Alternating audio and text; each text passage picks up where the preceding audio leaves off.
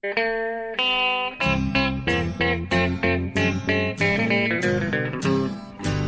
out there, we're on the air. It's hockey night tonight. Tension grows, the whistle blows, and the puck goes down the ice.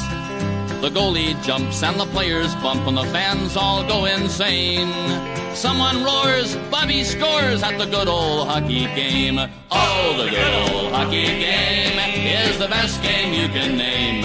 And the best game you can name is the good old hockey game. Hallå, hallå, hallå, hallå, hallå. Fantastiskt varmt välkomna ska ni vara till ett nytt avsnitt av NHL-podden. Det är 56 är det nu. Eh, och det här är ett alldeles speciellt avsnitt för att äntligen så har vi lyckats förena One Two Punch och Sophomore Slump i en och samma podd. Det är alltså Viktor Norén som sitter mitt emot mig och Per Bjurman i, i New York. Hur är läget? Det är jättebra. Det här är stort alltså. Det har jag sagt till både Biffen och dig att det här är ju som att komma och skriva låtar med John Lennon och Paul McCartney som nyexaminerad gitarrist från musikskolan i Borlänge. NHL-podda med er. Så att jag gör det med en väldigt ödmjuk inställning. Och eh, det ska bli kul. Nöjet är ju helt på vår sida är, för oss det är stort. Ja, det beror på i vilket rum vi befinner oss. Men i det här rummet är det stort för mig tror jag. Ja, det är vi som ska vara tacksamma att vi får in en sån stjärna i vår podd. Ja, vi, vi är verkligen en superstjärna. Och det, när du säger Paul McCartney så vill jag bara tillägga Poor man's Paul McCartney. Så här, för att vi, det är vårt nya uttryck. Ja, okej. Men, eh, ja, hur... Eh, hur Väldigt hur bra, kom- väldigt bra namn på ett band. Poor Man's Paul McCartney. Poor man's Paul McCartney. Men det skulle, jag har ju inget namn än. Eh, Du heter ju Sophomore Slump och Ekan heter ju One Two Punch. Jag får heta Poor Man's Paul McCartney. En eh, rocktrio, det är precis som du har. Du har ju... Exakt. Exakt. Jag har en ny, jag har dumpat Victor and the Blood och jobbar med det här på fulltid, fulltid istället.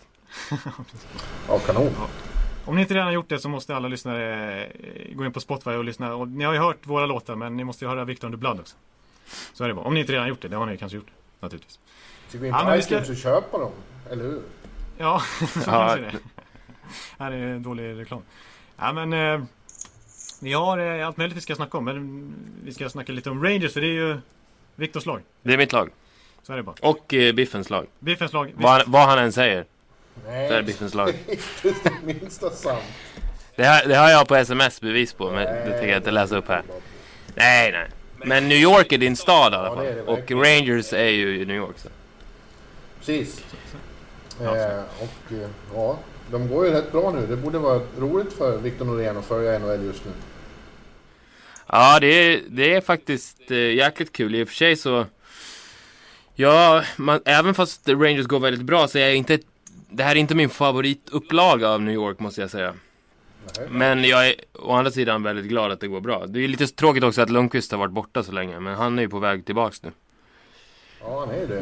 Eh, när vi spelar in det här så är det bara några timmar så, kvar så ska jag gå till eh, Garden och där kommer han att eh, prata med media om att han nu har fått clearance från läkarna och ska börja träna igen och är tillbaks inom en vecka, tio dagar på isen förmodligen. Men eh, det är ju gött såklart. De har ju klarat sig bra med Cam Talbot i kassen också. Till och med med. Mackenzie Skapski. Han har ju bättre statistik än Lundqvist Talbot. Ja. På, han har ju bara spelat 10 matcher mindre också. Jag tror Henke har spelat 39, Talbot 29 och han har bättre statistik. Så att på ett sätt är det ju bra att han, att han inte spelar. Och så plockar de in honom till slutspelet.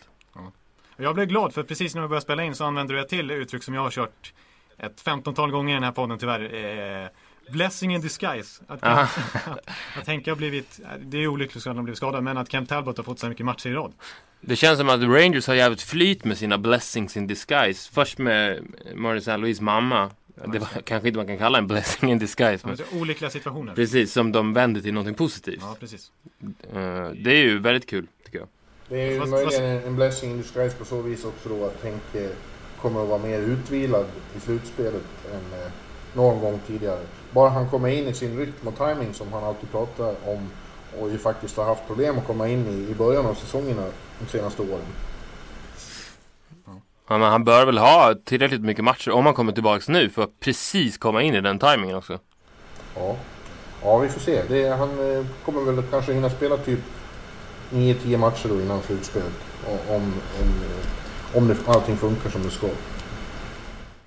Vi, vi kommer komma in på lite grejer om general manager-mötet som pågår just nu i Florida och lite mer grejer om poängligan och så. Men vi måste ändå fortsätta få köra lite Rangers special nu när vi har sån eh, Rangers liksom, kompetens i studion. Så att... Jag har ju Rangers in, mitt, in my blood också, i alla fall nästan. Min farbror Lars-Erik Taxen Sjöberg, han var ju lagkapten i Winnipeg Jets och senare även assisterande tränare och scout för New York på Ja, 80-talet. Det, detta är ju... Ja, det är Så fantastiskt. Det är därför jag och min bror Kalle började hålla på New York. För att först eh, så började vi såklart hålla, hålla på Winnipeg för att han hade varit kapten där. Men de försvann ju sen. Ja, det, Och så parallellt med det så, så då gick vi till min pappa och sa men Winnipeg finns inte längre.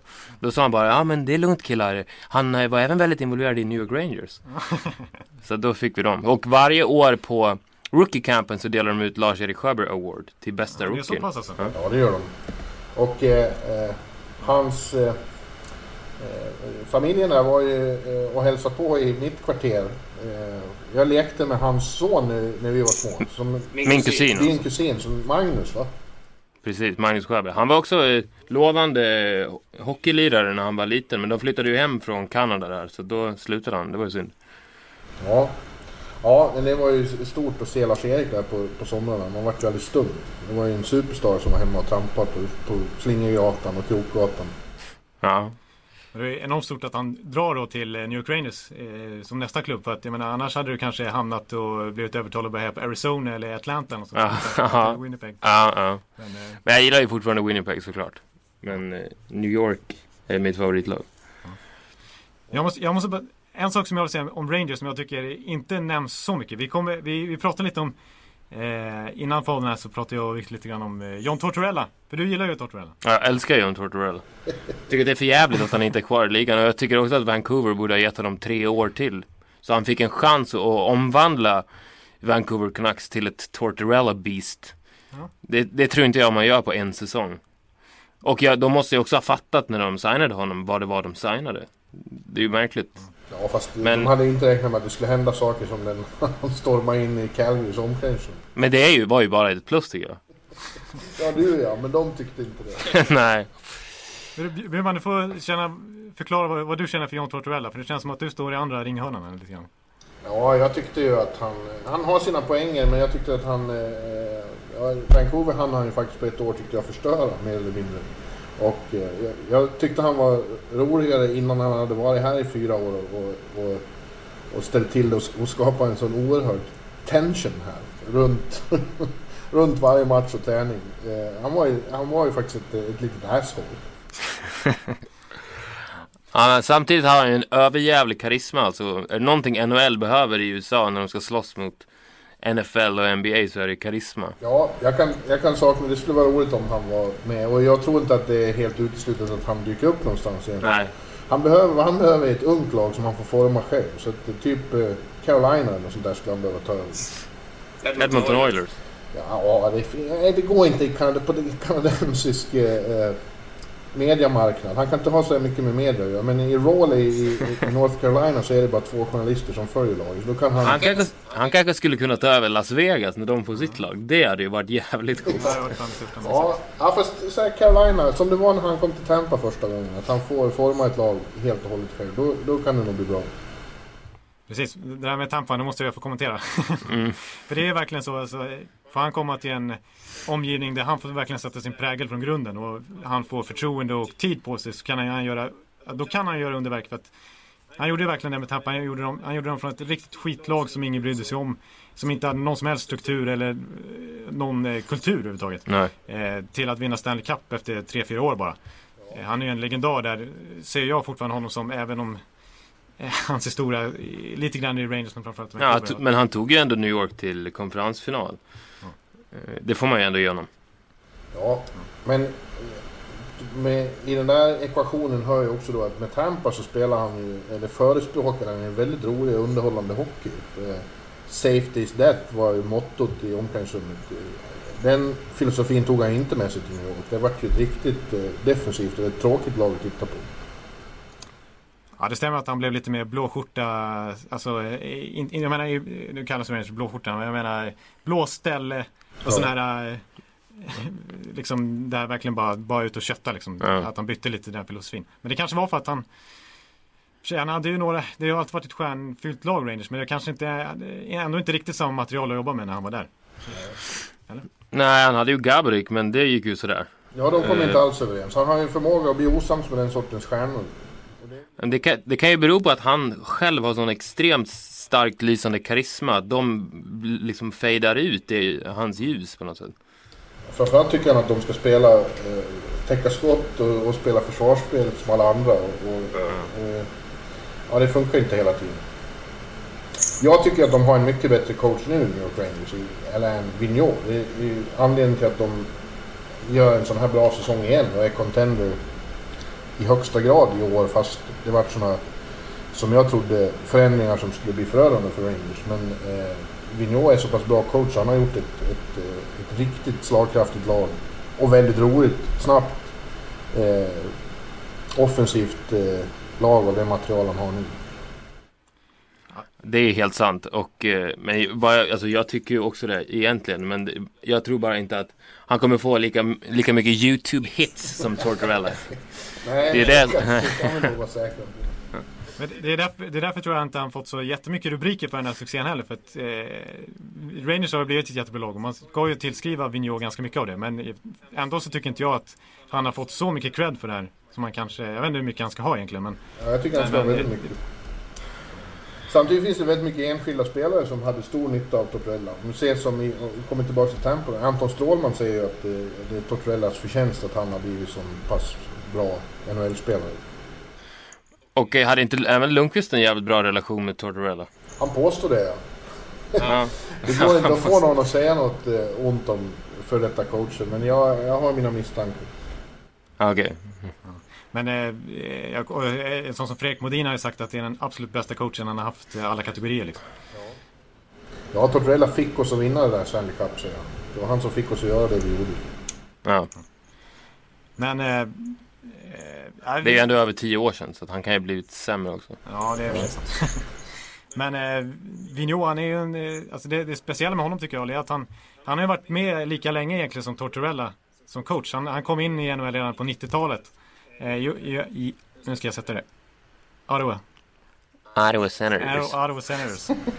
och eh, och eh, som assisterande. Och sen så ramlade han ner men han har alltid haft en vision om att han ska, han ska bli the NHL-coach. Liksom. Så han eh, fick börja om i QMJL och sen tillbaka i någon klubb. Jag tror han, han har varit i Montreal en sväng, tillbaka till QMJL, in i AHL. Och sen fick han chansen i Vancouver. Och liksom etablera sig och fick en Jack Adams en säsong till och med. Och sen så nu har han hamnat i New York Rangers. Men det är, jag, jag har fått ett bra intryck av Vigneault ändå. Även om han är tråkig så är, ger han sig stabilt. Alltså, när man ser honom på presskonferenserna står, alltså, han, hela hans eh, karisma är ju väldigt så här, trygg i alla fall. Liksom, vill jag säga. Samtidigt har han förlorat två Stanley Cup-finaler. Ja, det är sant. Ja, Det vill man ju inte ha på sitt CV. nej, det är sant. Det är nästan, det är nästan ännu värre ju. Alltså, det, jag är nästan en jättebra coach. Ja, det måste, nästa gång så måste han vinna, annars blir han ju hågkommen som det. Eh, Mr Loser. ja. Ja, det är sant. ja, men vad tror ni då? Eh, om dem? Jag tror att New York kommer gå till final i år igen. Eh, Jag tror att de har, jag tror att de kommer möta Los Angeles också. Oj då. Och jag tror att de kommer förlora. Och de, men de slår ut Tampa på vägen, eller hur? Eh, Det, det kommer de ju då göra. Konferensfinal. Ja, ja.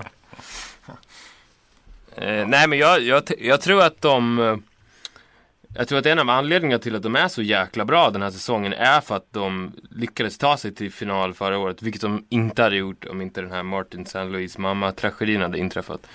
Jag tror, det känns som att de lärde sig jäkligt mycket av det och jag, tror, jag trodde redan innan, innan säsongen att de skulle vara så här bra. Det var inte många som gjorde det men jag tror att det är väldigt lärorikt att gå till Stanley Cup-final bara. För jag tror inte New York själva heller hade tro, trodde ju det. Det gjorde de ju inte, eller hur? Nej, det trodde de inte. Eh, du menar förra året? Ja, nej, precis. Alltså, när, när de låg under mot Pittsburgh, då var ju de helt övertygade om att de skulle åka ut. Ja, det var ju när de var under med 3-1 Oj. ja. Då åkte jag till Pittsburgh av en anledning. Det var ju för att fråga Lundqvist om, Ja. om VM. VM.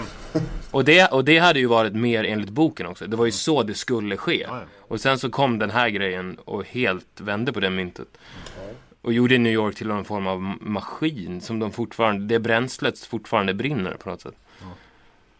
Ja, jag tror ju... Jag, jag är överraskad hur bra de är. Och jag tror att de kan gå till final. Jag är inte lika säker som du på det. Eh, jag tror att... Eh, framförallt det där jävla Tampa.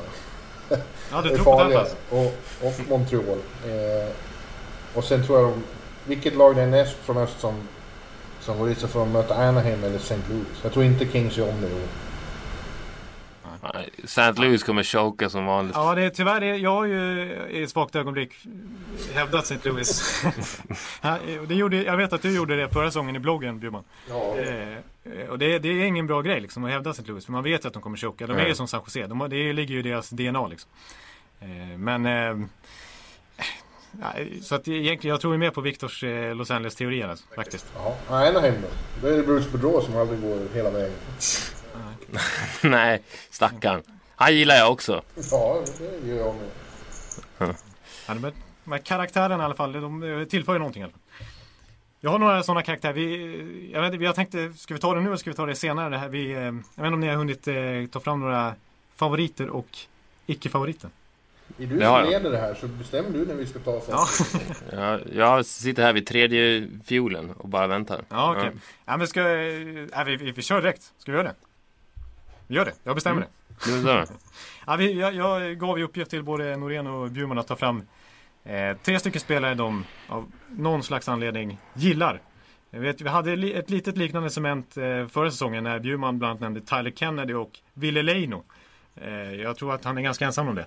Men eh, om, han hade några, någon slags motivering lyckades du hasa fram där också. Så att det är, och sen ska vi ta fram faktiskt tre spelare vi inte så här eh, gillar som vi kanske inte skulle vilja bli så glada om de kom till vårt respektive lag och sånt här. Eh, så vi, ja ni fattar grejen liksom. Så att, eh, ska, ska jag ha Victor Norén som gäst börja? Ska jag verkligen Ja, börja? Vi börjar med de jag gillar och de jag inte Ja, gillar. kör dem du, vi kör dem du gillar. Okej, de, eh, nu kommer jag, jag väljer singlar här så att säga för att prata mu- musikspråk. Det är inga obskyra B-sidor direkt. Nej. Även, jag, jag kan inte namedroppa AHL-rookies på samma sätt som du. Så att jag säger etta såklart Jaromir Jagr. Ja. Ja. Ja. Kan du, Han kommer jag- kan du tvåla till honom där om att Jagr inte är divan? Ja, det ska jag absolut göra. Jag, för jag kan säga så här att eh, Ekans argument till att Jagr var diva var ju för att han eh, nu på slutet har blivit någon form av journeyman och har spelat i 6, 7, 8 klubbar sen han kom tillbaka. Men det är egentligen ett motargument. För att alla, när man, om du går in och läser artiklar om Jagr, överallt så kommenteras det så här. Av Bruins fans, uh, I'm so glad he was a Boston Bruins, so proud. Flyers fans som kommenterar, Dallas fans kommenterar, alla skriver så här. Sån jäkla ära att ha haft Jaromir Jagr i vårt lag. Och samma nu när han gått till Florida. De är ju helt eld och lågor bara att ha honom där i sin stad. Never mind i sitt lag. Så att jag tycker nästan Jagr borde ju, han borde ju få spela i vartenda lag i hela NHL nu. Bara för att åka runt och ge dem den här kicken av, av ja, att en legend är, sitter bredvid dig och är i din stad. Ja, jag kanske kan vända på mitt eh, största argument som jag eh, spottade ur mig där. För det var ditt argument, Ja, eller hur? det var mitt argument och ett annat eh, argument som har med det att göra. Men som kanske gör att han absolut inte är en diva utan kanske precis raka motsatsen. Det här är, nu, nu vänder jag upp och ner på allting. Jag vet inte om jag håller med om det. Men det kanske är så. Att, för jag tyckte att han har ju verkligen ett legacy i Pittsburgh. Det var när han började sin karriär. Många år.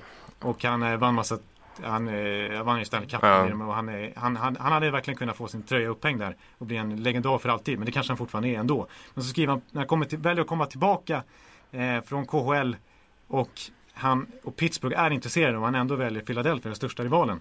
Så tyckte jag att det var lite märkligt. Men det kanske är just det att han kanske inte bryr sig så mycket om sina individuella, sitt individuella legacy. Det kanske är så, utan han, han kanske är mer så här, han vill Nej men då, då hade han ju ändå varit i Washington, sen Ja, Rangers, Rangers. sen i Ryssland i tre säsonger, Ja. sen tillbaka. Det hade varit en annan grej. Han i, Om man, om man hade gått från, från Pittsburgh till Ja, Philadelphia direkt. första gången, när han gick till Washington, då hade man kunnat prata om det. men han kanske inte tänker så mycket på, han skiter kanske i om han får sin tröja upphängd i Pittsburgh också. Det kanske han får i alla fall. Ja men om man fortsätter i den här takten kommer han få sin tröja upphängd i varenda hall. Ja, precis. 68 kommer förmodligen att bli ett retired eh, nummer på samma sätt som 99 Ja, för, för alla. Ja, Mm. ja, jag håller med Victor helt och hållet. Det finns inget divet över Jagr. Det är en fantastisk eh, person. Och den- Otroligt Ja, och den- trevlig. Älskad av alla lagkamrater för att han är så bra i omklädningsrummet och ödmjuk. Och tränar hårdare än någon annan. Och ger, eh, visar det med, alltså de här unga killarna i Florida har ju, kommer ju ha en enorm nytta av att ha honom där. Ja, det ska bli intressant att se om han kommer att bli kvar där nästa säsong. Ja, det är väl tveksamt. Men, men, Men däremot kom, ja det, det kanske är tveksamt, men däremot kommer han ju antagligen vara kvar i NHL i alla fall. ja. Ja, han skulle spela, som du han säger, han skulle spela i fler lag. Ja, ja, precis. Han betar av listan här. Han skriver ett ettårskontrakt och så blir han tradad vid deadline. Så att, eh, Ja. Han skriver på för Detroit och sen hamnar han i Chicago. Det är vad jag tror. Nej, jag, jag, jag, Jag vill ha tillbaka honom på Broadway. Ja, det skulle vara något. Ja, jag kommer ju bara att tänka på när jag var på eh, Hovet och eh, så här, eh, förra året, eh, eller var det, när det var VM. Ja, det kanske var förra säsongen. Ja, Jag han var ju här då med precis. Tjeckien. Jag har ju Ja. nämnt det någon gång, flera gånger förut så det kanske inte är nytt. Men ändå, de spelar ju en sån här channel, eller någon sån här, vad heter det, Sweden Mm. Games eller någonting. Jättetrött match på Hovet mot ett svenskt B-lag och ett tjeckiskt B-lag. Liksom så här. Vad, vad ska jag, han har redan lirat en full säsong i NHL och så ska han spela någon eh, vänskapsmatch på Hovet. Han borde ju vara totalt otaggad. Men efter den matchen står han ju fortfarande kvar, sist av alla. Eh, I hela liksom, eh, i båda lagen och står i korridoren där och står och spelar hockey med ett däck. Bara Ja. för att förstärka sina handleder för att det tycker han är viktigt. Liksom.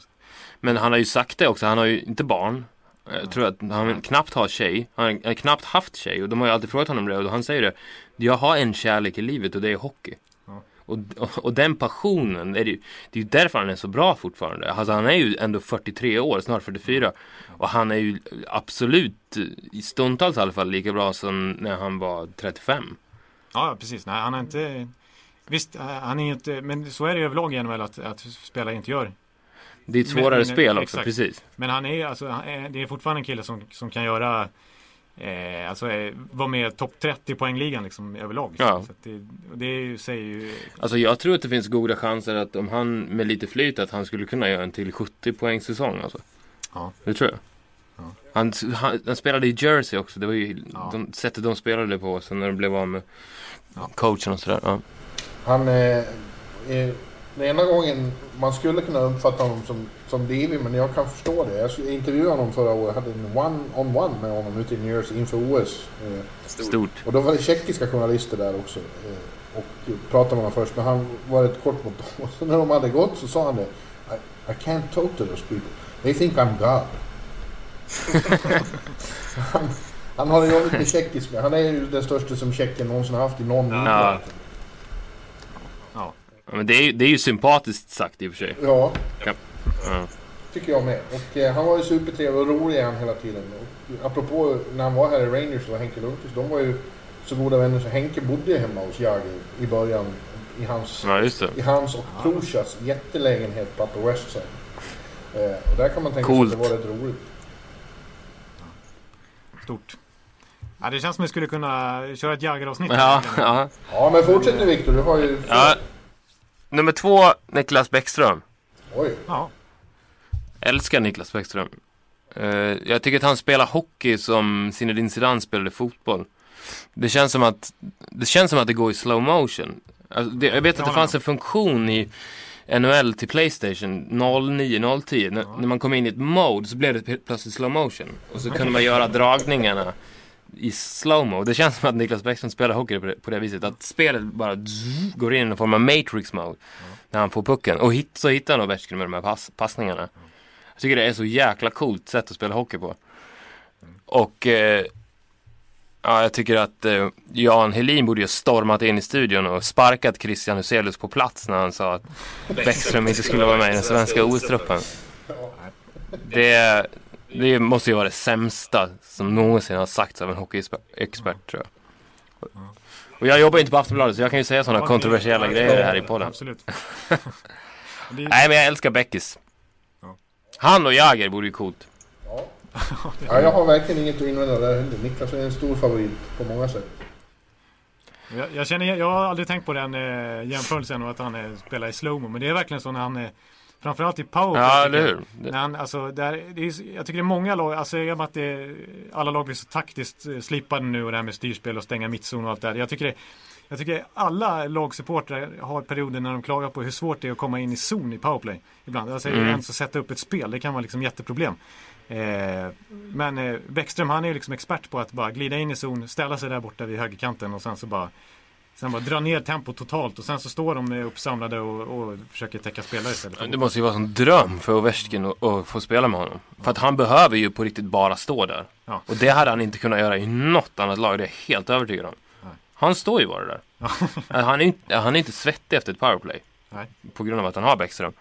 Det tråkiga för Beckis är ju just att eh, han blir aldrig uttagen i några All-Star-matcher och får inga awards. Det beror ju på att eh, det är Ovechkin som får det för han är större superstjärna, större karisma och, och, så. Men Niklas är ju värd det också som nya coachen Barry Trotz har påpekat för honom. Han är den intelligentaste hockeyspelaren han har sett. Ja. Men det var ju som man sa till honom i Road to Winter Classics. Jag behöver inte säga till dig hur man ska spela hockey. Du vet ju du bättre än vad jag gör. Ja. Och det är ju det är ju antagligen helt sant också. Ja.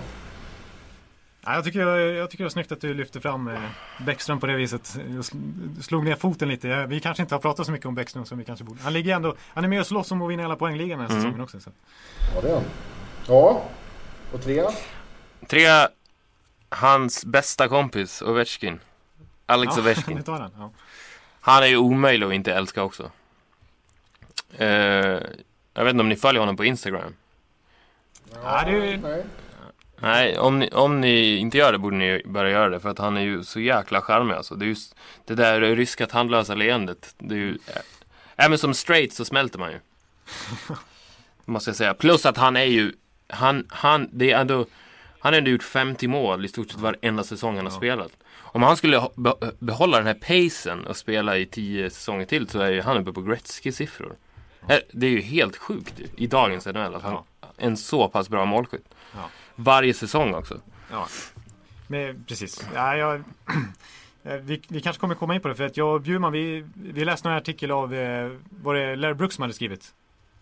Du vet vilka jag tänker på Bjurman? Ja. Den här, precis, det här med, med hur dagens NHL, han, eh, problem, problematiseringen kring varför det görs så få poäng. Mm. Alltså så pass mycket mindre poäng i NHL idag. Alltså förut var det ju för bara 10 år sedan så kunde Jagr göra 120 poäng till Ja. exempel. Och det var alltid 5-6 spelare över 100 poäng. Och nu så eh, ser det ut att bli den sämsta noteringen sedan, jag tror det var 1962 eller någonting. När det var mycket färre matcher dessutom.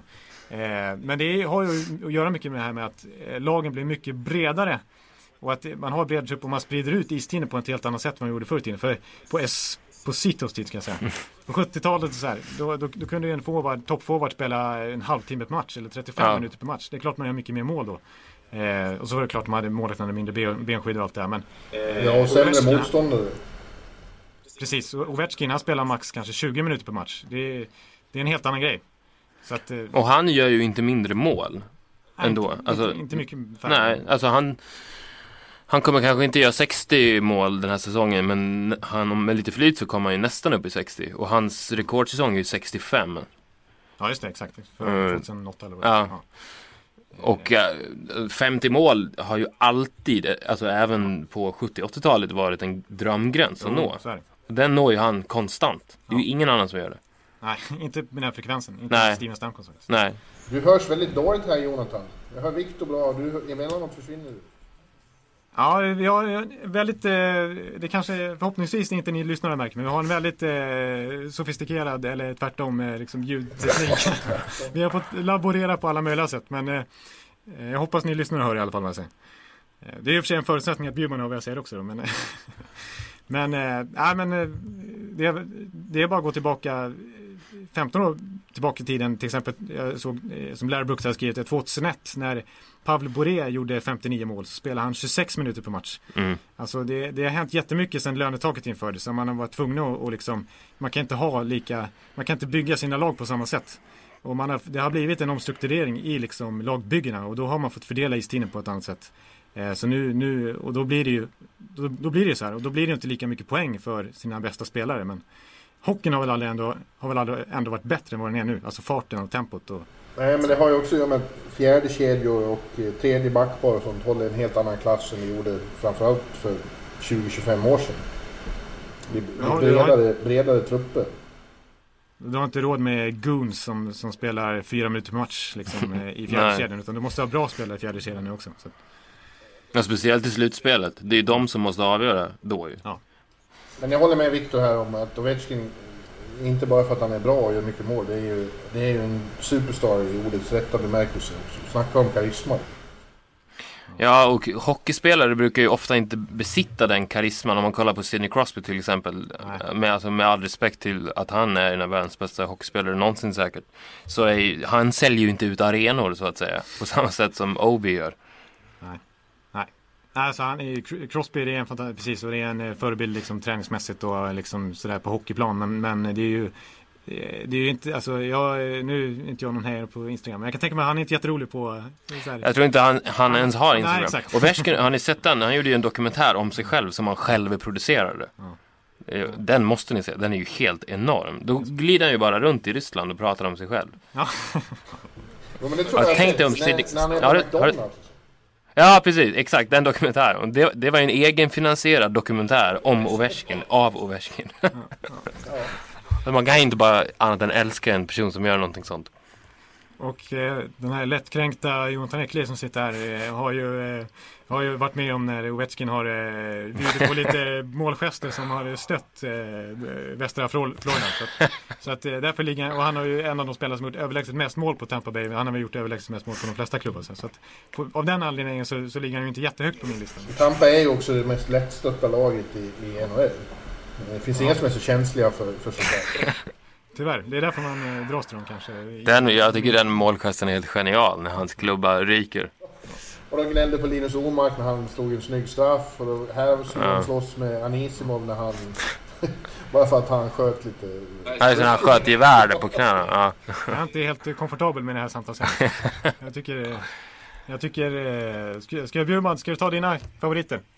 Ja, eh, och det kanske är mer B-sidor då eftersom du sa att jag, det behövde inte vara något...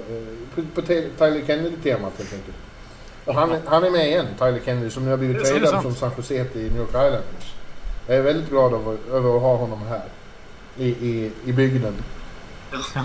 Du får förklara. Nej, jag kan inte förklara. Jag bara, jag, Nej, jag, precis. Det bara är så. jag bara fattar tycke för honom som person. Jag tycker att han, han, han, han ser annorlunda ut. Jag har fått för mig att han är lite ensam. Men lång- den typen av ingångar är det ju bara du som har Biffen. Jag tror han är lite loner och, och samtidigt så är han eh, omtyckt i lagen för att han, eh, i alla fall när han spelade i Pittsburgh så var det ju ofta, eh, han var inne i viktiga situationer och, och, och gjorde avgörande saker. Ja, Ja, bra. Jag, jag, jag, gillar, jag gillar ändå din motivering på något sätt. ja men det kommer fler. Ja, en helt fantastisk motivering. Det kommer fler. Vi har eh, Winnie Mitchell i, i Florida. Som jag har varit i Los Angeles en massa år. Och det börjar med att han heter som Al Greens producent. Som också hette Willie Mitchell. Och producerade helt fantastiska soulskivor med Al Green på 70-talet. Då Delar man namn med en sån då är man ju hemma hos mig. Men han, också, han ser framförallt han ser otroligt snäll ut. Jag tror, att, jag tror att han är en jättetrevlig människa. Samtidigt som han kan vara hård och ful på isen. Ja, det är bra. Hallå! Han är, han är, han är, Hallå ja. ja. Men han är ju saknad i Kingstad också och superhyllad nu i Florida. Ja, och han är ju Han som har extra pappa åt eh, Aaron Ekblad. Då. De bor ju till och med ihop så Ekblad ska få lära sig hur man blir ett proffs på riktigt. Bra värvning av Florida Ja, i allra högsta grad. En, en, fem plus motivering igen. Så. ja, och slutligen har jag faktiskt tagit Mike Fisher i, i Nashville. För att han är gift med Carrie Underwood, countrysångerskan. Ja, det är ju coolt. Då är man ju cool på något vis. Det måste man ju Just i namnreferens där med Willie Mitchell så tycker jag, heter man Mike Fisher då är man en stabil andra tredje center som, är, som spelar hårt och tufft liksom, har det där skägget. Det, det, det, det krävs ju liksom. Och är gift med Carrie Underwood. Det tycker jag, det är liksom, det, det är så det ska vara bara. ja, och en bubblare strax under är eh, Cal Clutterbuck. För att han heter så, har ett sånt fantastiskt namn. Det är ligans bästa Ja. Clutterbuck. Ja, det är coolt. Ja, det Ja, jag, jag, är imponerad av era motiveringar här faktiskt, måste jag säga. Jag tycker, jag känner att jag, nu, eh, nu, nu kommer antiklimaxen, jag ska nämna mina. Ja, men, eh, eh, jag, jag får vara lite oväntad av, mot vad jag som Tampa supporter borde, borde säga. Men eh, jag säger Brandon Prust faktiskt, den som, som jag gillar. Oj, oj. Lill-Prusten. Rösten som, som tacklade in Bishop i sargen här, häromdagen. Ja. ja, idioten. Nej men jag, jag alltså han, det jag gillar med, dels så gillar han ända sedan han, när han var i Rangers. Mm. Han var riktigt bra i Rangers. Ja, han var ju, formade en grym duo där med Brian Boyle. Liksom. Eh, och han, BB. precis. och han var, på, han var ju bra i Calgary en gång i tiden också. Men Eh, det jag gillar med honom att, visst han har några avstängningar på sitt, sitt CV och han var Jag springer och hämtar Eh. kaffe här. Prata på du. Nej men han var ju avstängd, i, han blev avstängd för tackling på, han tacklade sen Derek Stepan i slutspelet. Liksom. Ja, just det. Men eh, ändå så har jag en känsla av att Stepan, eller Prust, alltså han är så sjukt jobbig att möta. Jag har alltid tyckt han varit hemsk att möta. Eh, När han var Rangers, när han, nu, är- när han är i Montreal nu. Eh, men han, han, han är nästan aldrig på fel sida av gränsen ändå. Utan han är alltid så här precis li, lite så här, lite så här grymt jobbig men ändå inte så här ful. Typ, alltså eh, nu till exempel när han, eh, när han, han har ju en, en duell, en dust med, med Ben Bishop sedan förra säsongen. Eh, och nu, nu, så här, nu, nu kör han ju över Bishop och, och, och så här, kastar ner honom på isen. Men det, är- det är inte tillräckligt fult för att han ska bli avstängd liksom, utan det räcker med en tvåa. Men det är ändå så här sjukt. Ja, det, det är en svår tunn linje att balansera sig på där. Ja, Att han exakt, inte exakt. går över gränsen. Nej. Och det är han ju expert på. Men vadå, Ja, alltså målvakten är, i det där läget är väl målvakten egentligen tacklingsbar? Ja, jag, på ett sätt kan jag hålla med för att han är... Han är bakom står man, går, man går ut på egen risk. Han är ju tre meter från sitt straffområde egentligen. Ja, så, det- Målområde. Så att, och det, det är ingen tackling i den bemärkelsen heller utan det är mer bara en eh, liten eh, klockren eh, nedbrottning liksom. Han ska få tackla men, men eh, Bishops lagkamrater ska ju bli förbannade ut så det, det är ju så. Nej, sen, sen är han skön utanför isen också. Han, är, han gör mycket så här Habs TV-reportager och här grejer. Han är liksom han var ju skön, kommer jag ihåg i Road to Winter Classic någon gång när de fällde han och Brian Boyle. Ja. Jag, jag, jag gillar. Så att jag, jag, jag skulle gärna ha han i mitt eh, lag. Det är, så är det bara. Eh, men eh, alltså, sen har jag två lite tråkiga. Det här är bara, det här är bara baserat på magkänsla. Sådana som, som jag gillar deras spelstil och kanske deras namn eller någonting. Jag vet inte. Eh, jag har alltid varit svag för Cam Atkinson. Normally, being a little extra can be a bit much, but when it comes to healthcare, it pays to be extra. And United Healthcare makes it easy with Health Protector Guard fixed indemnity insurance plans. Underwritten by Golden Rule Insurance Company, they supplement your primary plan, helping you manage out of pocket costs without the usual requirements and restrictions like deductibles and enrollment periods. So when it comes to covering your medical bills, you can feel good about being a little extra. Visit uh1.com to find the Health Protector Guard plan for you. Faktiskt i Columbus.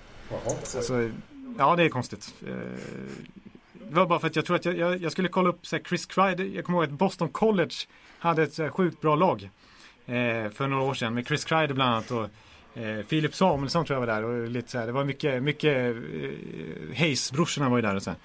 Eh, och jag vill kolla eh, lite statistik där. Det är så här typiskt som eh, 0,42 promille av befolkningen får för sig göra. Men, men det var märkliga Elite Prospects sökning där.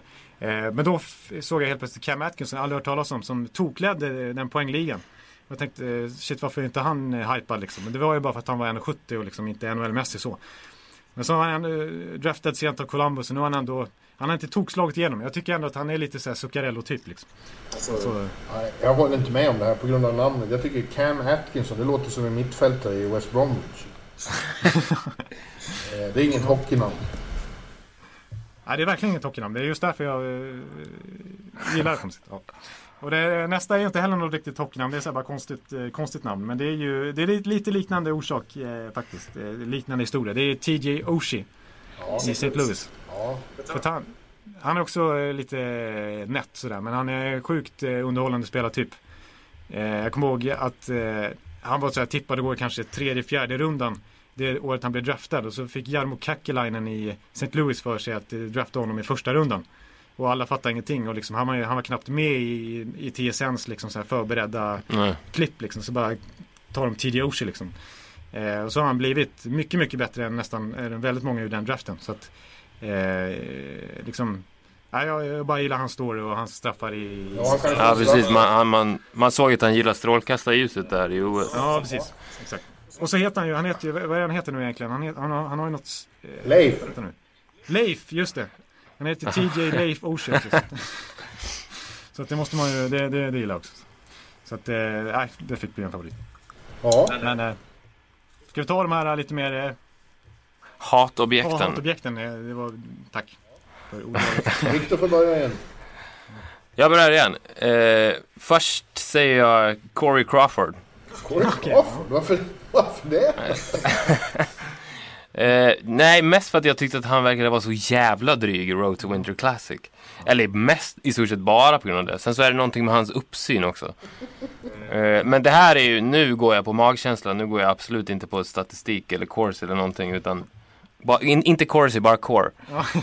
Ja, han är bästa kompis med Niklas Hjalmarsson i princip. Och, och Hjalmarsson är ju så trevlig. Ja. Så jag tror att han gav ett felaktigt intryck i den där wingen. Ja, men han var ju sur. Ja. Ihåg det? Ja. Absolut, han var jättetråkig. Ja, han bara, what do you, what do you guys want? Uh, no.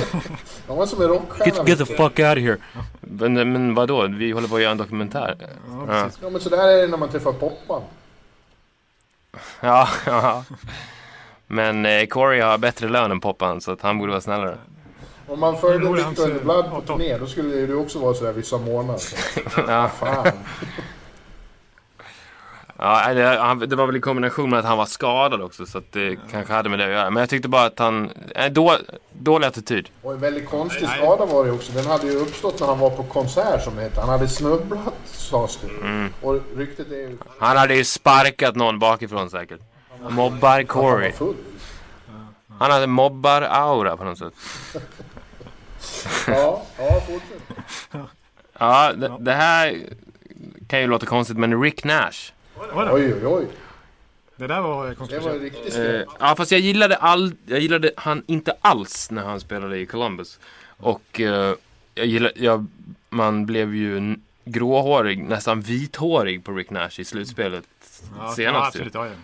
Han missade ju allt och innan eh, Marty St. Louis mamma kom in och räddade allt så höll ju han på att förstöra Ja, ja. hela säsongen för New York stort sett. Och jag tycker också säga att jag som Rangers-supporter så vill man ju lägga ribban jävligt högt när det kommer till stjärnor. Alltså då räknar man med att uh, de ska ta in Elvis, så att säga. Det är ju Jaromir Jagr, Wayne Gretzky. Den star quality man vill ha. Jag tycker, Henk Lundqvist. Henke Lundqvist också. Det ty- där uppe tycker inte jag, Rick, hur många poäng han än gör så tycker inte jag Rick Nash. Han, säljer, han kan inte sälja mycket merchandise. Omöjligt. Ja men i år han började. Fan han har gjort 39 mål. Jo, han har gjort 39 mål, men han, säljer han merch? Nej. Jo, det tror jag nog att han gör. Tror du det? Ja, det sitter kvar sen gammalt då. Han är, ju, han är ju faktiskt bra i år. De har börjat ropa MVP efter honom på valen. Ja. Ja, det förstår man ju. Och eh, det är klart att om man var i New York kanske man... Ja, det, det, jag tänker bara på hans uh, chokande i slutspelet. Han fick ju lite stämpel, i Columbus han ju lite stämpel som så här burger boy liksom, att han skötte inte sommarträningen. Han Nej, seriös nej. heller, liksom. Han, han har ju tjockis-aura också. Ja, exakt. Men, men till den här säsongen, har- jag läste, jag läste ju faktiskt ett eh, eh, på planet till Nashville när jag bjöd det så, så eh, köpte jag Sports Illustrated och då var det faktiskt deras huvud liksom, grej var en lång intervju med Rick Nash. Jaha. När han förklarar att, eh, just där han snackar lite om den här Burger Boy-stämpeln och där. och eh, haveriet i slutspelet där han var så kritiserad. Så, han bestämde sig för att eh, det kanske ligger någonting i det. Att han ska Mm. tokträna och börja liksom, tänka på kosten på allvar och ta, si, ta sitt egen karriär på allvar i Rangers nu. Liksom, så så han, hade ju, han, har ju, han har ju aldrig haft bättre testvärden sen som han Nej. Så att- och det gav ju resultat uppenbarligen. Men, eh, men eh, för mig var det ingen riktig favorit i Columbus heller. Och vi ser ju nu, nu när hans era är slutet så är Columbus verkligen på gång. Mm. Så att... Eh, hur mycket... Det beror ju bland Det annat på vad mycket de fick i utbyte mot honom. Ja precis, det- de fick ju Dubinski bland annat. Och sen så naturligtvis... Dubinski gillade jag som fan. Eller Ja, gillar. jag gillar också Dubinski. Ja. Ja, vem är Men trea på, på, på Victors shitlista då? Taylor Hall. Taylor Ja, Hall. okej, ja. Det är ju väldigt oväntat Ja. namn på den här listan. Han, vet du vad Taylor Hall känns som, Biffen? Han känns som ett av, de, ett av alla dessa band som hamnade på Enemies framsida efter Oasis och var den nästa Oasis. Det är, Shed 7 är Taylor Hall. Menswear. Ja, precis. Ocean Color Scene Ja. Hall. Eh, det, kommer, det kommer liksom aldrig hända. Eh, och, och han känns sur också där.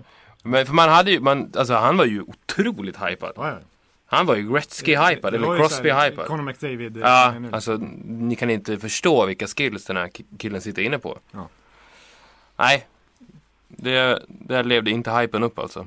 Så att, eh, och och han verkar ju också, han verkar ju tro att han är nästa Oasis. Han, han måste ju bara acceptera att han är Ocean Color Scene och ut och spela som Ocean Color Scene. Då kanske han blir bättre. han kommer aldrig skriva en Wonderwall, är det vad du säger? Nej, aldrig. Han, eh, nej alltså, ja, det, det, här, det går mycket. Det här, nu är det poddformat så då kan man ju ändå vara lite lös, eh, lösare så här. Men eh, det går ju mycket rykten om honom också att han är så här sjukt dryg liksom. Att, det är, att han är väldigt osympatisk Mm. utanför isen också. Så, här, eh, och eh, så sent som den här säsongen har ju Darren Drager till och med sagt att eh, ledningen har funderat på att trada Taylor Hall. Mm. Just, eh, de, de vill ju behålla honom med tanke på hans talang men att hans karaktär är liksom han kan, inte, man kan, han kan inte vara en bärande spelare i ett lag liksom, på den här nivån. För han, han har inte karaktären. Och det märks ju. Ja, det märks. Han har ju uppenbarligen inte det. Nej. Han är ju en sån kille som tror, alltså när, när draften är, är klar, att det är då han har vunnit, när det är egentligen då det börjar. Ja, precis. Det är som att Jaromir Jagr skulle 1990 ha pikat. Ja, just det. Ja, utmärkta motiveringar. Jag tror inte jag har lika bra, det är mer eh, självklara eh, namn på min lista den börjar med Matt Cook. Eh, för, att, eh, Ja. för att han är ett as. Helt enkelt.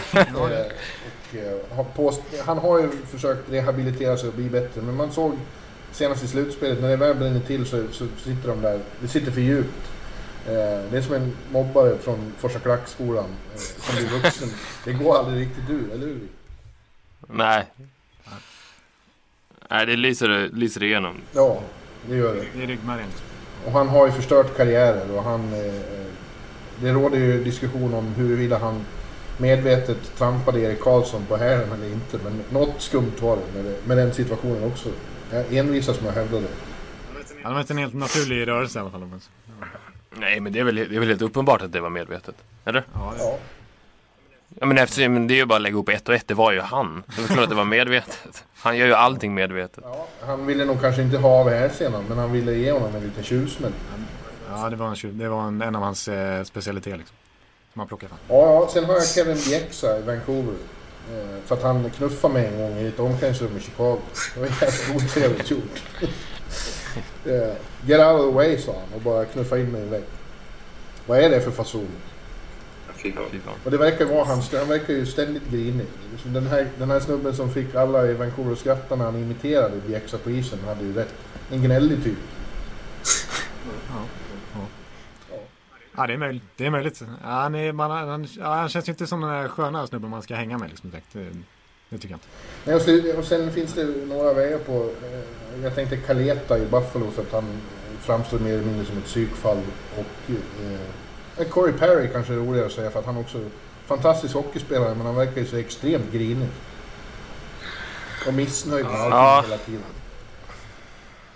Ja, jag har ju förklarat det här med Corey Perry ungefär som, eh, ungefär som du med Corey Crawford. Alltså det är bara, Corey Perrys uppsyn är ju så här. Ja, Han är ju liksom precis. 14 år. Eh, Han var, när, när han var med i NHL Revealed, Ja. Corey Perry, då hade han ju precis den här eh, uppsynen som Crawford hade. Ja. Satt där och, så, och bara när kameran, vad, vad, fan, vad håller ni på med? Gå härifrån. Men du är ju en hockeystjärna. Hans bästa kompis Brian Getzlaw har jag faktiskt också haft problem för. Men jag har ändrat mig där. Tycker han verkar trevlig. Men från början så hade han framtoningen hos den värsta sortens amerikanska eh, där fratboy eh, karaktär. Man, Men jag tycker han fick lite vatten på den kvarnen när han gick ut och kri- kritiserade Ovechkin att han ja, ramlade hela tiden. Vad fan, skärp dig. Gör några mål istället. ja, men det var, han, var, man kände som så här från en collegefilm som, som leder Ja. ja. party på, på the campus. Dude! Sådär. Ja, jag, jag, jag är ändå starstruck av Ryan Getzlaff när han gick förbi mig där i någon katakomber. Liksom, så här, så här. Ja. Ja, men du, eh, hur ser det ut på eh, Ekans listor? Ja, just det. Eh, vem hade... Jag börjar eh, nerifrån där. Jag är också lite sådär... Jag, jag är lite som, som dig Bjurman. Jag har lite förutsägbara namn på ett sätt ändå. Eh, som först, jag tog eh, Thomas Vanek. Ja, Ja, men det... för hans brist på karaktär. Ja, precis. Och sen... Eh, ja, det, blev inte bättre av till exempel den här OS-incidenten när han... Eh, Österrike när han eh, gick ut med hela laget inför en vik- viktig match och sen så var de katastrofer från Nej. Slovenien nästan. Så här. Och han verkar inte riktigt bry sig om det heller liksom. Så. Eh, sen återigen en personlig eh, tråkig, tr- tråkig referens. Det är ju faktiskt att, eh, jag, nämnde ju Ovechkin tidigare, men Thomas Vanek är faktiskt den som har gjort mest mål på Tampa Bay genom tiderna. Han är den stora, liksom, våran stora baneman liksom. Så jag har svurit många nätter åt honom faktiskt. Eh, och nu, nu, nu känns det som att han är, han är inte så gammal, han är inte Jagger-gammal direkt, men han är verkligen ned, nedförsbacke i hans karriär. Han har tappat snabbt. Och han är ju inte, han, han är inte alls vad Minnesota betalar för heller. Trots att han har kommit hem då till sitt Minnesota som han har tjatat om. Så att, eh, nej, han var ju, han chokade totalt för Montreal i slutspelet också. Så Ja. eh, så, och han är inte någon riktigt så här skön karaktär heller ändå. Så det går inte riktigt att gilla honom för sådana grejer heller. Riktigt. Så att, Nej, man tycker inte att det är soft när han går ut och super i OS. nej, in, inte. Om, om det hade varit Bäckström och Ovechkin så hade man ju i alla fall tänkt sig ja men de hade i alla fall en grym Ja, kväll. precis. Ja, det, var, det känns ju... Jag kommer ihåg när man var där. det Destruktivt mot- Österrike var inget topplag men de hade brunnit som fan för att ta sig dit och det, var, det fanns de som hade jobbat stenhårt i flera år för det där och så kommer deras största stjärna och, och bara skiter på dem. Ja, det är divigt. Ja. Eh, Okej, nu, nu fick jag lite hjärnsläpp. Jag har skrivit upp två namn till. Det var ju två. Ja just det, nu, nu kom jag på ett namn. Eh, eh, också lite förutsägbart för sig då, men eh, Brad Marchand har ju aldrig varit någon favorit. Nej, han retar ju väldigt många. Ja, alltså på ett sätt, på ett sätt så, så kan jag uppskatta för NHL behöver den typen av karaktärer. Ingen, alla lag hatar egentligen att möta Milan Lucic och, och liksom Mm. eh, Boston-killarna där. Eh, men han är, ja. Ja, Han Det är är, ett typexempel på en sån som fans hatar när, så länge de spelar för andra lag men blir älskad så fort han hamnar i, i den egna familjen. ja precis, exakt. Han, är, han hade ett uttalande alldeles nyligen när det Eh, nej, nej, det, var ju så här, det, det, det, det här kanske ni uppfattar som lite roligt. Så här, så här. Jag, jag, jag, som lättkränkt Tampa-supporter så tog jag illa vid mig. här. Eh, var när, när, när Cedric Paket eh, i Tampa, eh, som jag har slagit igenom den här säsongen lite grann, eh, gick upp mot eh, 2-10 Zdeno Chara och skulle börja puckla på honom. Och det räckte med ett slag från, från Chara så var det knockout liksom. Eh, då, då, då fick ju Marchand fråga om det efter matchen och sa bara ja, Eh, något sånt där. Ska ni, han, hade haft, han hade lite tackling överhuvudtaget i den här matchen. Paket och varit lite nagelögat på mo- motståndaren. Så, här. så han, hur ska ni kontra i nästa match? Kommer ni skicka kära på honom då också? Då sa han bara att nej, för då kommer Paket spela i AHL så att det spelar ingen roll. men, eh, eh, nej, men han är, han, han, han eh, ja.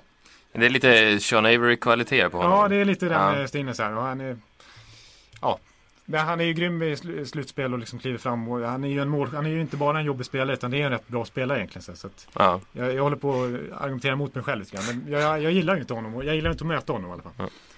Så att, eh, nej så är det. Jag har, jag, ett till motargument är att jag har honom i mitt fantasy-lag som jag aktivt har valt också. Så att det, det är ju inte bra. Men eh, okej, en, en sista spelare. Eh, Steven Stamkos. Steven Stamkos, ja precis. Eh, Nej men om jag ska ta någon i, i mitt eget lag där. Jag, jag, jag har ju skrivit upp ett, ett annat namn egentligen. Men jag spelar i mitt eget lag som jag inte gillar sådär jättemycket. Det är ju Matt Carl.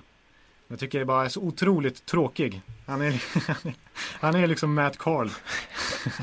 det, det är liksom har man inte sett Matt Carl så vet man, så räcker det med att man säger Matt Carl. Det är liksom, han, är, han är totalt bland liksom. Han, han, han spelar liksom, eh, det är liksom pack out eller ungefär. Ja, men det är så här safety first hela tiden och eh, ja, det, är, det är så osexigt det kan bli liksom. Ja, men han, och även men han har väl de eh, förhållningsorden från coachen är väl det också? Ja, det exakt. Det är inte så att, det är inte så att han har fått göra. åk på försök få friläge hela tiden.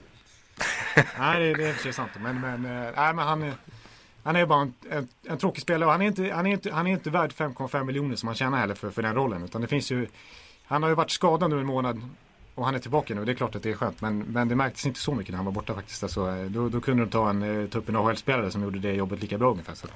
Men det är, Jag, jag, är inte förtjust, jag är inte förtjust i den. eh, Det är den enda move som jag verkligen kritiserar av eh, Iceman faktiskt. men det är väl som att du, du behöver i ditt band en basist, eller hur Viktor?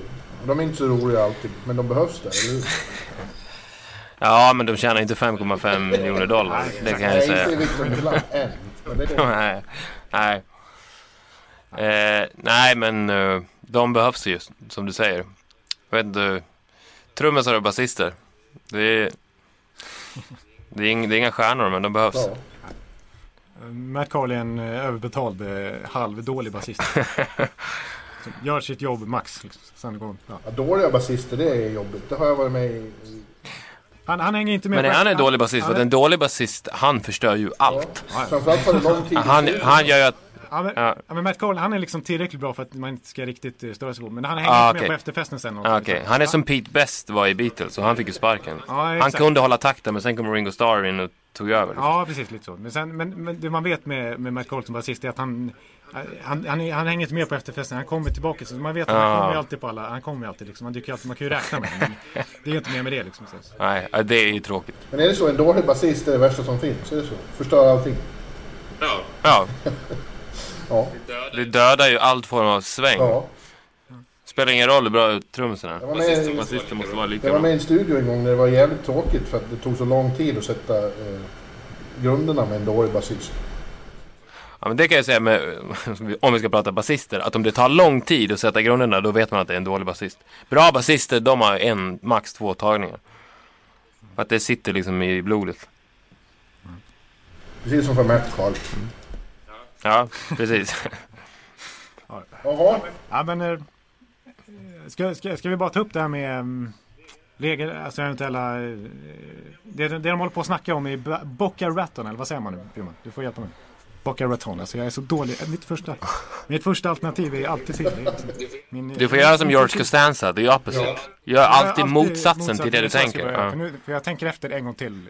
Alltså det, jag tänker ju verkligen efter och sen så Mm. blir det fel. Så jag ska tänka. Ja, du ska inte tänka efter utan bara göra raka motsatsen. tiden. Seinfeld så när de är i Boca Raton så skulle man ju hellre vilja att de var i, La Boca Vista.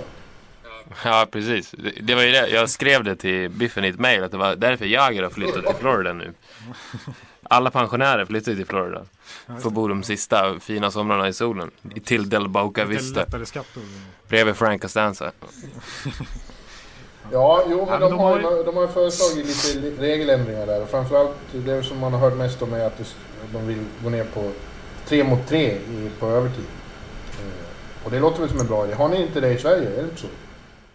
Jo, de har ju, eh, varken jag eller Viktor är några riktiga elitserie-fans direkt då. Nej, vi diskuterade lite det förut. Att ju mer man följer NHL desto svårare blir det att ens titta på en fem minuters sekvens av elitserien för att det är så dåligt. Ja, det är sant. Ja, precis. Och det, det så, sa väl du också Biffen när du var och såg Leksand i Globen? Att du blev förvånad över hur dålig kvalitet det är. Och det är ju he- det är helt sanslöst när man har sett elitserien och sen kollar på en NHL-match. För då känns det ju som att man har satt på gånger fyra på speeden på tvn. Ja, Ja, Men, eh, ja, men de har kört eh, 3 mot 3 i Sverige. De bytte ju regler mitt i säsongen. Från, från att ha haft eh, börjat säsongen med det här NHL-varianten, den vanliga liksom, 4 mot 4 i 5 minuter sen straffar. mm. till eh, efter nyår att börja köra 3 mot 3. Och effekten har ju blivit att från att eh, ungefär 70% av matcherna gick till straffar så eh, är det nu bara 30% tror jag som går till straffar i, i svensk hockey. Och AHL har ju kört en lite annan, konstigare variant tycker jag. Alltså som många NHL-bossar verkar eh, sugna på. Den här att man kör eh, tre minuter först, 4 mot 4. Och första avblåsningen efter tre minuter så byter man till 3 mot 3. Och så kör man det sista det låter... fyra, Jag kände rörigt eller? Alltså sju minuter ska man ha, eh, ska jag övertid Mm. då. Och ska man byta då mitt i en avblåsning. Eh, Jag tycker det låter lite eh, kry- krystat på något sätt. Mm. Jag tycker jag kör bara tre mot tre i fem minuter i så fall. Men jag vet inte om jag är helt, visst det Alltså straffar har ju blivit lite uttjatat. Ja, allt för att få fler matcher avgjorda på övertid. Det är väldigt mycket roligare än straffavgörande.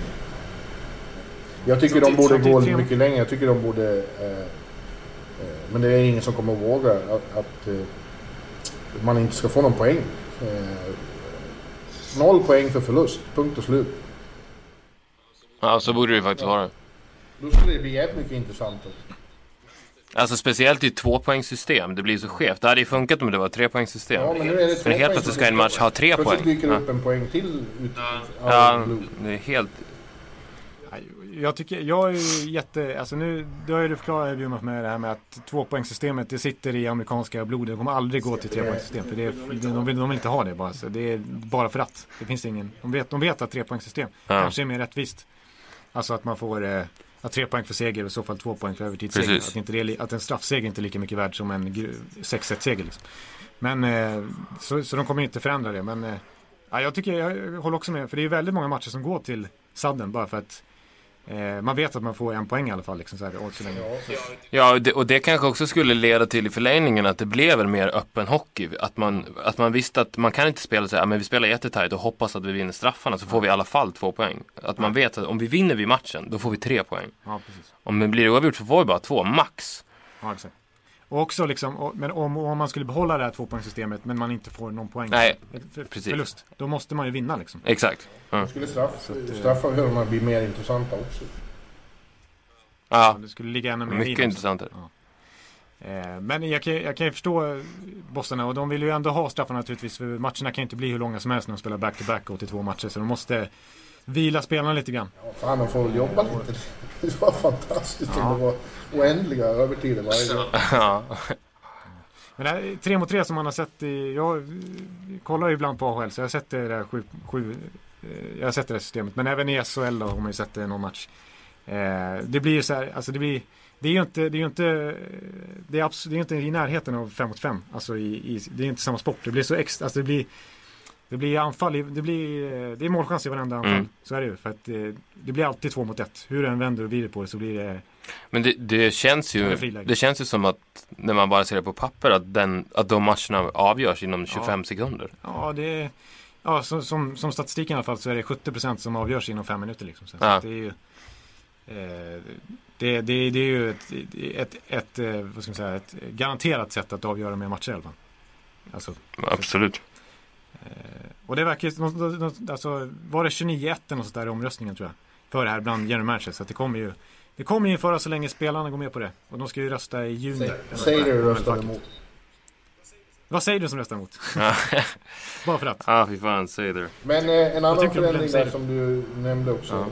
Vad ska jag är säga? ju att eh, coacherna kan få en sån här challenge-möjlighet eh, eh, i olika situationer.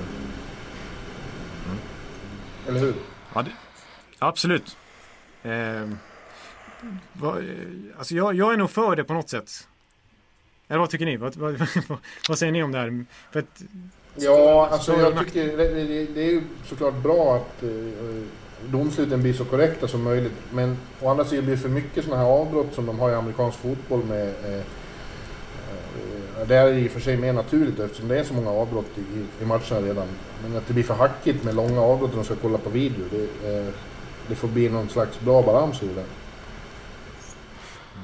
jag tycker också att hockey är en så pass snabb sport så att det jag, någonstans måste finnas utrymme för lite error för att den ska falla sig naturlig. Jag tycker att det är helt rätt att de kollar, var det mål eller inte? Men när det går i 350 km i timmen så att man ska då ringa upp och kolla, granska om en liten skridsko var offside eller inte. Det tycker jag känns helt fel alltså. ja, precis. Om det, om det skulle gå. Men eh, de verkar ju- nu, nu, alltså det de har kommit fram till, eh, Göran Merset, efter massa eh, snack hit och dit. Eh, enas om, det är också en ganska klar majoritet i alla fall. Det är ju att det, här, det ska finnas två fall när man får göra challenge som coach. Eh, och då måste man ha en timeout kvar dessutom. Så har man, har man Okej. brukat sin timeout så är det kört. Eh, och man får använda sin timeout då i så fall. Och då, ska, då har domarna rätt att kolla om eh, om det har varit goal interference. Alltså om, eh, om man kan hävda att, att målvakten har blivit störd i samband med målet. Eh, och då får faktiskt, då, då, då ringer man upp till situation room, där uppe på war room uppe i Toronto. Men det är faktiskt domaren som fattar det slutgiltiga beslutet. Så som Jerry Manchin har föreslagit att domaren ska få kolla på någon liten iPad eller någonting i, i sekretariatet. Tillsammans med war room. Eh, Men att War Room inte ska fatta det beslutet för att det är så godtyckligt om det är goal interference eller inte. De, under det här mötet så hade de ett exempel på en goal interference. De skulle komma fram till vad är goal interference och inte. Och 17, 17 general manager tyckte att det var goal interference och 13 tyckte att det inte var det. Så det, det gick inte att skriva en regel. Och då, men det, det kan ju fortfarande vara så pass tydligt att målet borde dömas bort. Och det har varit så pass många fall också. Så att eh, alla general managers är liksom angelägna om att komma åt det problemet. Men att eh, då i så fall ska domaren få fatta det beslutet. Men också ha tillgång till reprisbilder från Toronto. Liksom. Eh, och det andra fallet som det skulle användas i är vilket jag tycker faktiskt är bra för det, kan, det, är, det är en regel som ställt, in, ställt till mycket problem i vissa matcher. Där det kan ha varit felaktigt. Ja, precis. Det här med pack-out. Att, eh, att, eh, att, man- alltså att, att man får en utvisning för att man har slagit upp pucken. Över isen och så kanske den faktiskt har nuddat någonting. Ja. Så det, inte, det ska inte vara två minuter. Särskilt i viktiga skeden av matcherna. Eller kanske till, det kanske blir det 5 mot 3 istället för 5 mot 4 på grund av det. Ja, det var ju så. eh, Det skedde ju i VM-finalen när Ryssland vann mot Kanada. I Kanada var det också va? 2009-10. Då gjorde ju Kanada en puck-out som var väldigt, väldigt 50-50 och sen så vann Ryssland VM-guld på det. Ja. Så det, är det kan jag hålla med om. Det är för att det är en så extremt känslig situation. Ja, precis. Och det är liksom Alltså, alltså, det är väl på ett sätt är det väl bra att regeln finns eftersom att det är, dels är det lite delay of the game och sen så kan man ju hävda att det finns skaderisk för publiken typ och, att det skulle vara lätt att eh, bara slå, ut, slå upp pucken över ishallen i så fall. liksom. Men, eh, men, eh, men det kan bli så pass avgörande och i det här fallet så skulle situation room ha, ha program. Då ska inte domaren bedöma utan det ska vara war room som kollar upp där. Men återigen så måste coachen ha en timeout kvar för att det ska och om, som jag förstod också så är det så att eh, om coachen får rätt och domaren dömer bort målet eller dömer bort en eh, delay of the game eh, så får man behålla sin timeout. Men har man fel så får man Wow. inte, så är det kört.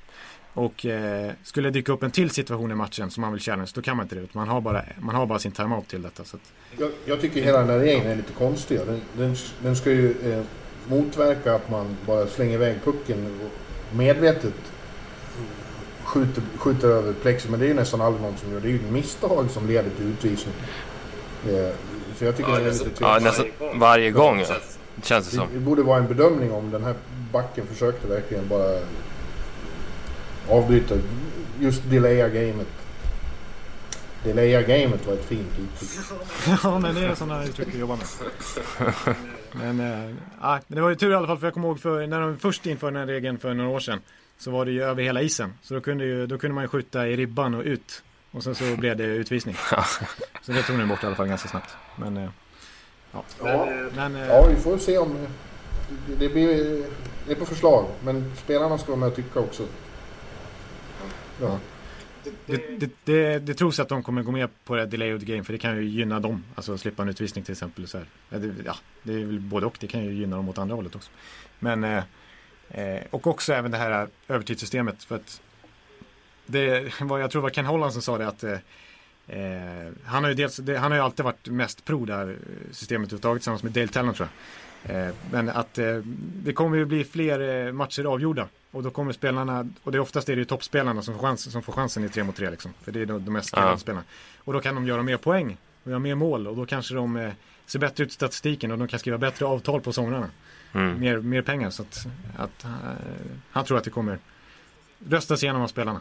Och att de också vill se färre straffavgörande. Så att förmodligen blir det av. Jaha, vad har vi mer då? Det börjar bli... Vi är uppe i en timme och en kvart nu. Ja, vi har kört eh, våra... En, en grej bara Ja, om, på samma ämne. En grej som de skulle kunna testa, det kanske låter lite sjukt men det är i alla fall en sak som man alltid har associerat med hockey och NHL och det är ju slagsmålet. Ja. Att efter, när matchen blir avgjord så går de upp i en rumble, lagens två värsta busar och sen släcker de ner hallen. Och så är det liksom Let's Get Ready Rumble, så slåss de på riktigt. För att nu är ju alla slagsmål bara ploj. Det tror jag, det, och det tror jag skulle gynna NHL som fan i USA alltså. Jag ska föreslå det här så kommer det att heta Victor Norén Challenge. Ja, ja, exakt. Om det kommer upp en liten ring i mitten. Ja, men det låter ju skruvat, men jag tror på riktigt att det skulle kunna få publik alltså. Återigen så helt plötsligt så har Cotton Orr och George Parrott sen NHL-karriären igen. Precis, och då, ja, då får de fem miljoner dollar. Då blir ju de stjärnor också. ja, precis. de kan ju... ja, men Ja, det skulle vara- men vi måste Hela- eh, eh, knyta ihop säcken. Jag tänkte fråga dig Victor, bara när du ändå är här hos oss. Vad, vad händer just nu? Du håller på med Victor and the Blood. Ja, det stämmer. Vi, jag håller på och skriver låtar och är i studion om vartannat här. Eh, och eh, med förhoppningen att det ska släppas i höst. Men jag, jag har sagt till mig, till mig själv att den här gången så ska jag ta en, vad ska man säga, en stenhård eh, sommarträning. Ja. Och komma ut starkare än någonsin. Så att eh, jag kommer lägga ner extra mycket tid på att göra det så bra som möjligt. Så jag vet inte exakt när det kommer komma ut. Men när det väl kommer så ska jag vara Ska det vara lika bra som eh, Sedinarna var när de kom tillbaka och vann poängligan? ja, det låter ju bra. Men så det blir, det blir en eh, strikt sommar för dig alltså? Ingen, inga turnéer, inget sånt? Eh, nej, ingenting faktiskt. Jag ska till eh, Los Angeles kanske. Men det blir nog i kombination med jobb också. Skriva låtar. Skriva, jag ska bara skriva låtar. Coolt. Och eh, det du kanske är mest känd för är ju Sugar Plum Fairy och ni, ni finns inte, så är det bara. Nej, det gör vi inte. Eh, men eh, får se. Ja. Vi, eller det, jo, det gör vi ju. Det är det som är så fint med musik. Vi finns ju för Och det är alltid. klart. Men ni kommer inte att göra fler spelningar och så. Nej, nej det kommer vi inte. Inte utan Krille. Det, det sa vi ju till honom också. Så det är ju ett ord man håller Verkligen. såklart. Ja. Och Ekan då, vad ska du göra i sommar? Nej men förutom alla one to punch spelningar såklart. Det glömde jag ju säga. Ja. Kan du inte tipsa dem på Pizza Nej, men- att de ska boka eh, One Two Punch? Jag tycker vi ska lägga ribban högre än så eller? Nej men jag sa det till eh, Ekan att de förra, förra årets vad var ju att om Rangers skulle vinna Stanley Cup skulle vi spela i New York, New York. Jag tycker att om Rangers vinner i år så spelar vi in i New York en singel med One to Punch med Lunkan på gitarr. Okej. Ja. Vi, vi är ju alla på Rangers bandwagon nu. Liksom, så här. Det Ja. måste ju ske liksom. Och det är ju du som får styra det då, Ja. Biffen. Såklart. Absolut. Så det kan du ta upp nu på presskonferensen på en gång. Jag ska, jag ska göra det. Jag ska samla ihop mig här och ta mig dit. Men Ytterligare en motivationsfaktor för Henrik Lundqvist. Ja. Ja, precis. Nu har vi bara en sak kvar och det är att Ekan ska dra sitt nummer här. Vad är vi på för? Ja, eh, just det. Nu har jag inte eh, det framme här faktiskt. Men det är 56 kommer jag fram till. Eh, Det är så här lite... Så nu, får jag, nu får jag ta från skallen här. Alltså, jag, jag kan inte säga genom tiderna 56. Men vi har några stycken i år. Nu, nu blir det såna här B-skivor. Så att, eh, okej, det, ja. det är den typen av spelare som har 56. Mm. Eh, ja, men en snubbe som gjorde ett fantastiskt mål här om natten var ju Marko Dano. Marko Dano från eh, Slovakien. När man säger snabbt så låter det som Ma- Mike Modano. Ma- Marko Ja. Dano.